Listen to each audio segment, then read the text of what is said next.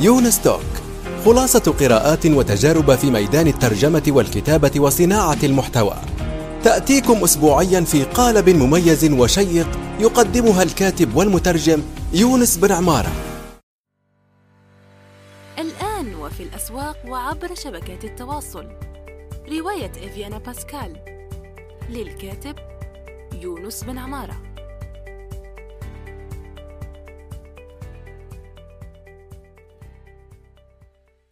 إن خير من استكتبت قلم قوي وفكر رصين.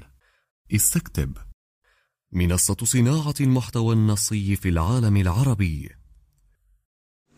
السلام عليكم ورحمة الله وبركاته. في حلقة جديدة من يونستوك صباح الخير مساء الخير حسب الوقت الذي تستمعون فيه إلى هذا البرنامج أو البودكاست آه، يونستوك يسمى بالعربية تدوين صوتي يعني اللي يحب يعرف شو هو يعني مرادف أو معنى بودكاست أو المقابل العربي لها فهو تدوين صوتي في يعني في أشيع الأقوال وأكثرها انتشارا.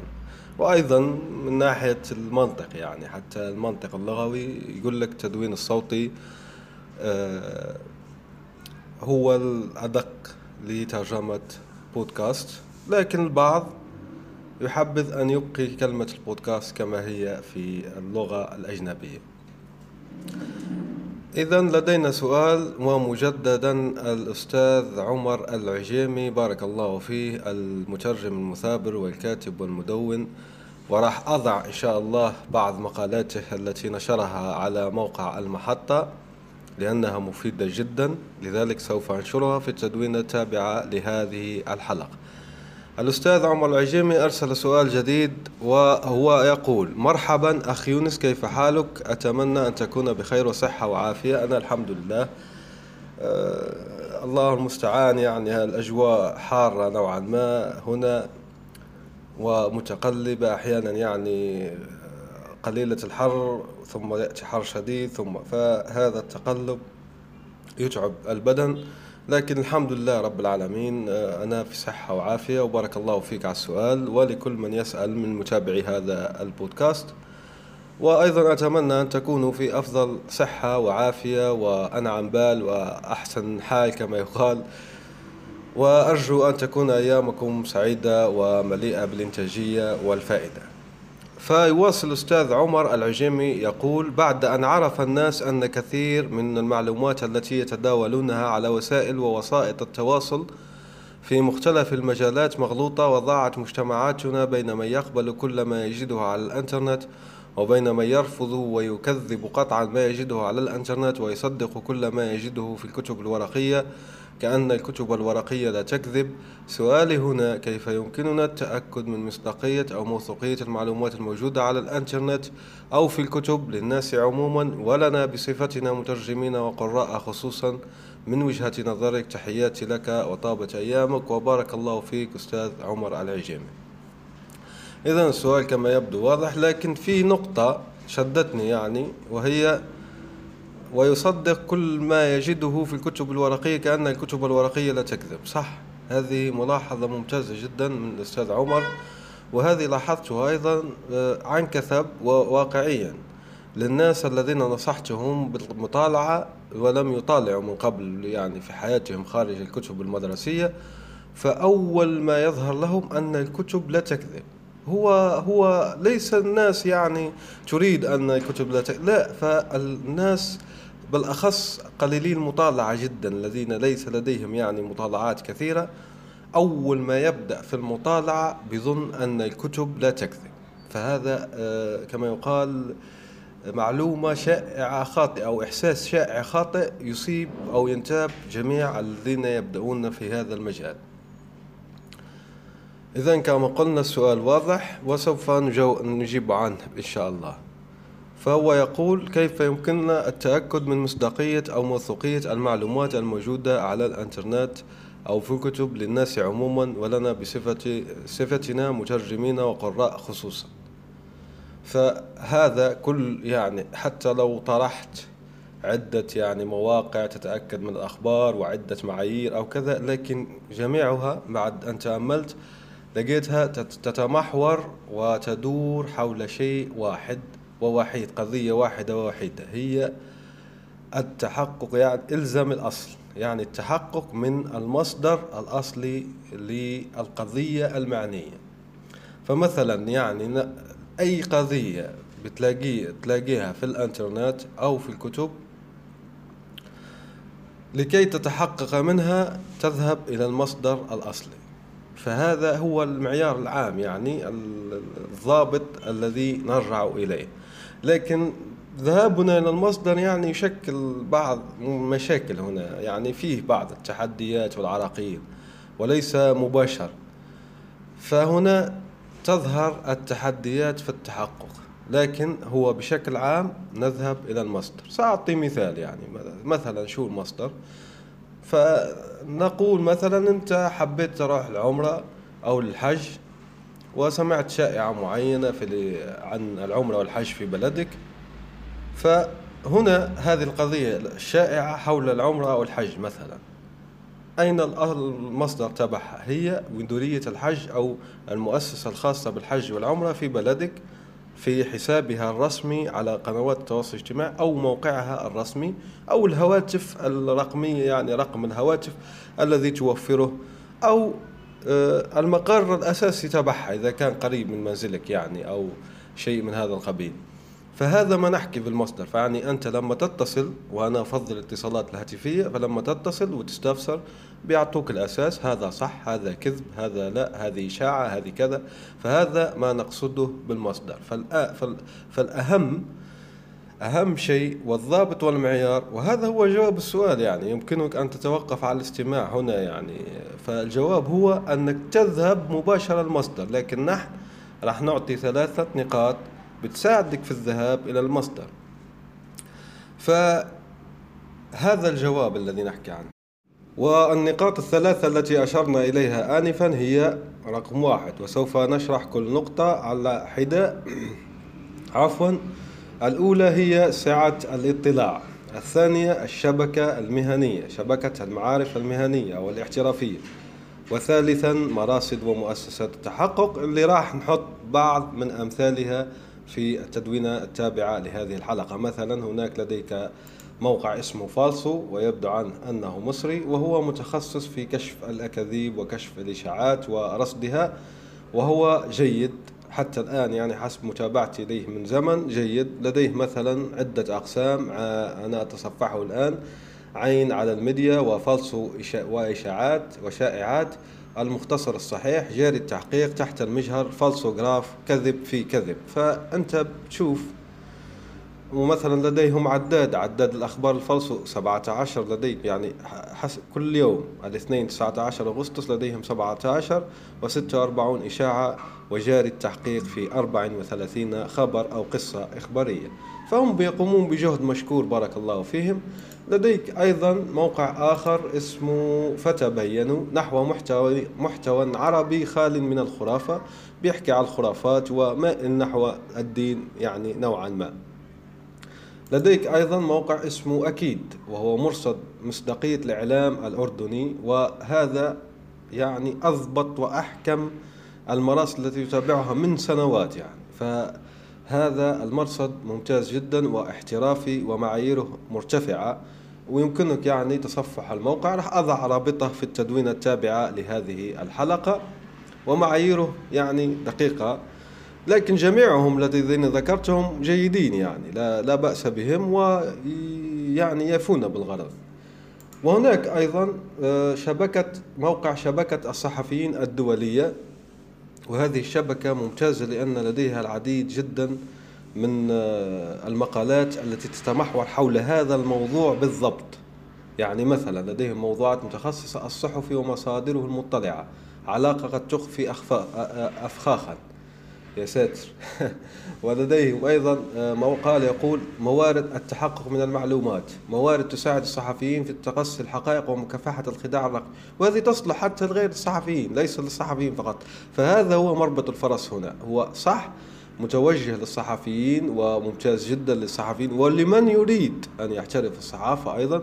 ولديه تركيز خاص على الصحافة الاستقصائية لكن لديها العديد جدا من الأدلة يعني الدلائل و آه، أعتقد حتى لديه قسم كامل اسمه التحقق من المعلومات مثلا ثمانية موارد لاكتشاف الأخبار الخاطئة والمقالات المزيفة. راح أضع أنت شو شو تعمل. راح أضع رابط وأكتب الكلمة التالية التحقق. في موقع شبكة الصحفيين الدولية. وراح أضع أيضا الكلمة تحقق يعني أضع رابط بالبحث. فلما بتضغط على المدونة تبع الرابط تبع الموقع في المدونة تبعي راح تروح مباشرة بالكلمة التي أريدها منك أن تضعها هناك وهي كلمة التحقق. فبتطلع لك مقالات مفيدة جدا. مثلا الصحافة متعددة الوسائط لديهم طرق وموارد لاكتشاف الصور المعدلة والتحقق من المزيفة. فهذا ممتاز. ولديهم أيضا توجيهات وموارد الصحفيين لفهم الدراسات الطبية وتقييم أهميتها. هذا في قسم التحقق من المعلومات. آه، ولديك أيضا مبادرات لمواجهة الأخبار الكاذبة على مواقع التواصل الاجتماعي فبيشترك في المبادرات ويكون لديك يعني معلومات وهنا تحميل المزيد. ولديهم أيضا عدة عدة مقالات في هذا المجال وعندهم مجموعات الأدوات. مثلا ستة طرق لاكتشاف الحسابات المشبوهة على تويتر. هكذا يعمل المتصيدون. ولديكم أيضا كيف يمكن للصحفيين التحقق من الأخبار على مواقع التواصل الاجتماعي؟ فزي ما تشوف من العناوين التي قرأت بعضها فهو ممتاز جدا. سوف أضع الروابط في التدوينة التابعة لهذه الحلقة. نرجع إلى النقاط الثلاثة. لما قلنا الجواب هو عموما إلزم المصدر أي اذهب إليه مباشرة. لكن أنا أعرف أيضا أنه في بعض الإشكاليات لأن مثلا مصدر لما يكون ميت مصدر هو خبر تاريخي يعني المصدر أصلا مات أو المصدر هو ذاته ارتكب جريمة يعني مثلا فنان معين أو شخصية مشهورة معينة ارتكبت جريمة ونفت الجريمة فأكيد من المنطق يقول لك أنه هذا الشخص من الأكيد أنه ينكر سواء كان بريء ولا مش بريء هذا مش يعني مش شغلنا أن نحكم عليه. لكن أن نحن نحكي في الحالات النادرة هذه المصدر إما مات أو يصعب الوصول إليه جدا أو أنه لديه مصلحة واضحة وبديهية في الكذب مثل الاتهام بارتكاب جريمة ما. فماذا نعمل هنا؟ تذهب للمصدر اللي عنده الحق. في نظرك أنه يحكم عليه.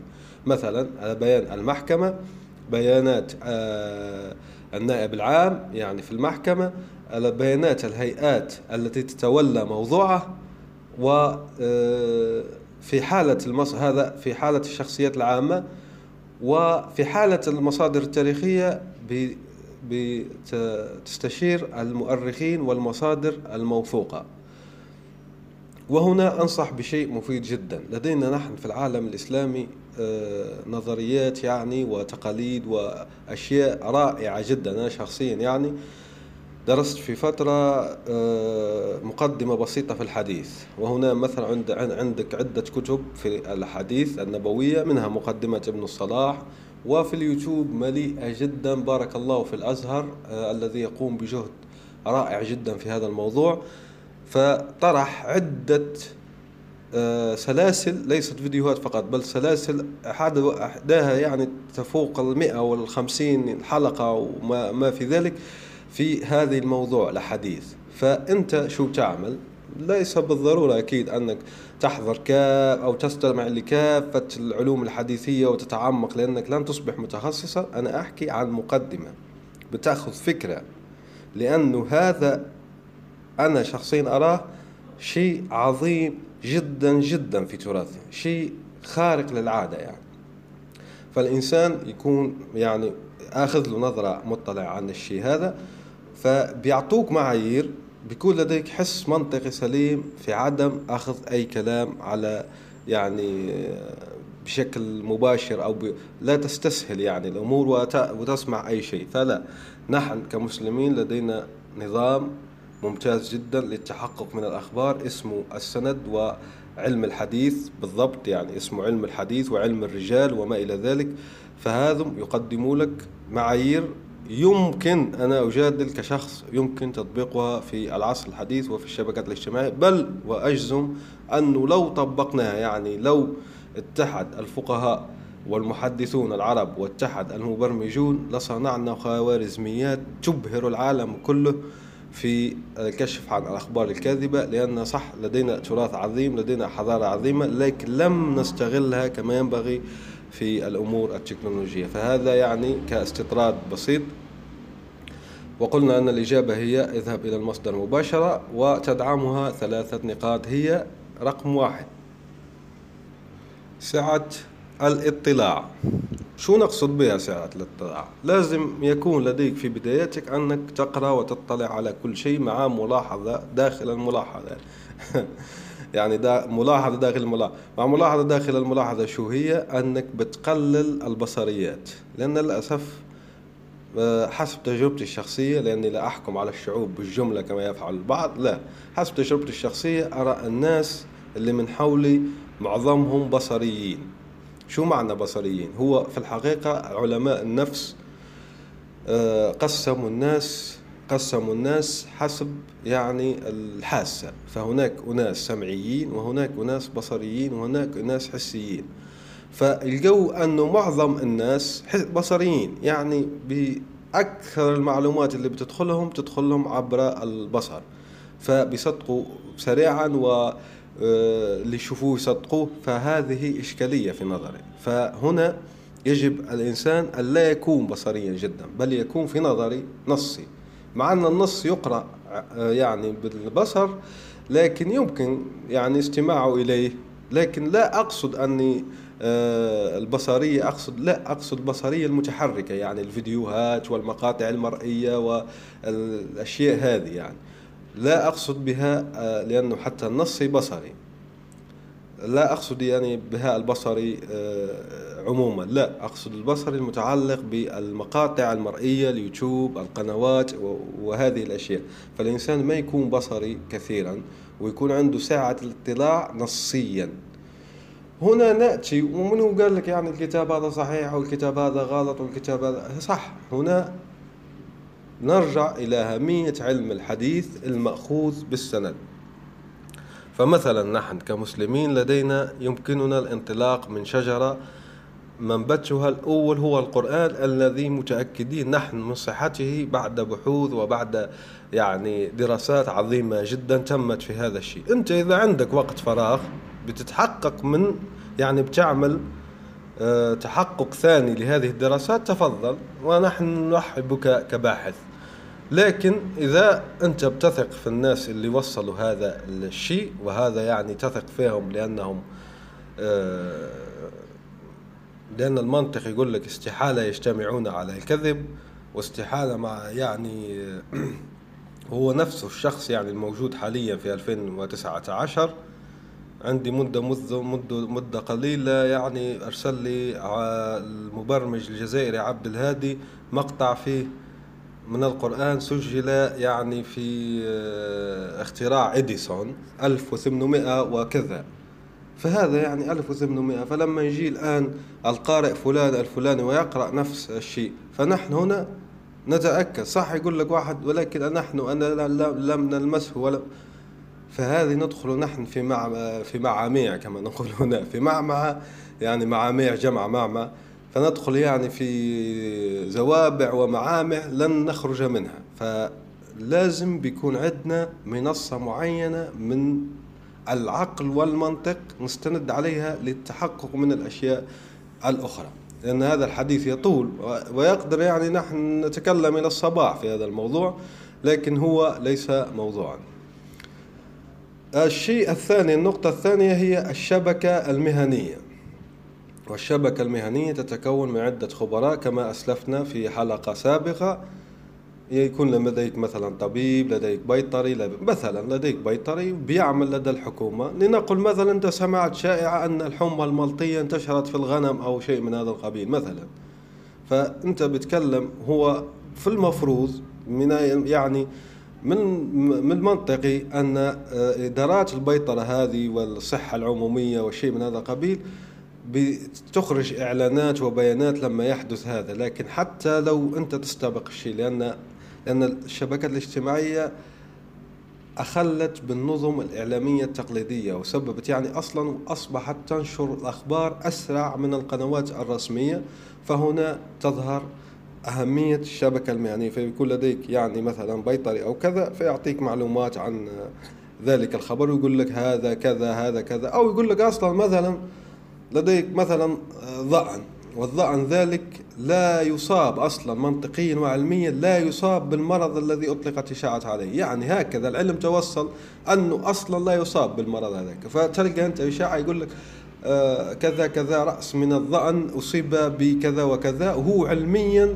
لا يمكن هذا لا يمكن أصلا فبيقول لك البيطري أصلا لا يمكن ويشرح لك بشكل تبسيطي ليش لا يمكن وكذا فالفكرة بإذن الله وصلت. النقطة الثالثة ذكرناها بسرعة من قبل وهي متابعة مراصد ومؤسسات التحقق وأنا حطيتها في الأخير عن قصد ليش؟ لأن حتى هذه المراصد لا تت يعني لا تثق فيها بشكل آه نهائي ليش؟ لأنها تتبع للتمويل أعيد. تتبع للتمويل. فالممول هو اللي يقول الحق من الباطل في هذه المراصد. لكن عموما ما دام في الشكل الحالي ولم تتلقى يعني تمويل مشبوه أو كذا نحسن الظن بها. لكن ليس دائما وليس بشكل أعمى.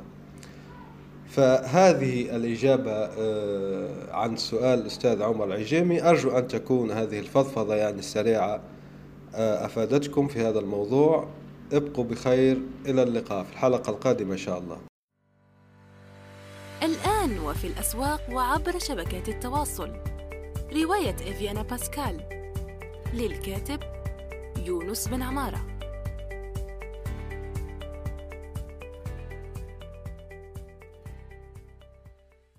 إن خير من استكتبت قلم قوي وفكر رصين. استكتب. منصة صناعة المحتوى النصي في العالم العربي. نأمل أن يكون موضوع هذه الحلقة قد نال استحسانكم. انتظرونا في الأسبوع القادم ولا تنسوا مشاركة الحلقات والاشتراك بالبودكاست. علما أنه بإمكانكم مراسلتنا باقتراحاتكم للتحدث عن أي موضوع يتعلق بالكتابة والترجمة وصناعة المحتوى.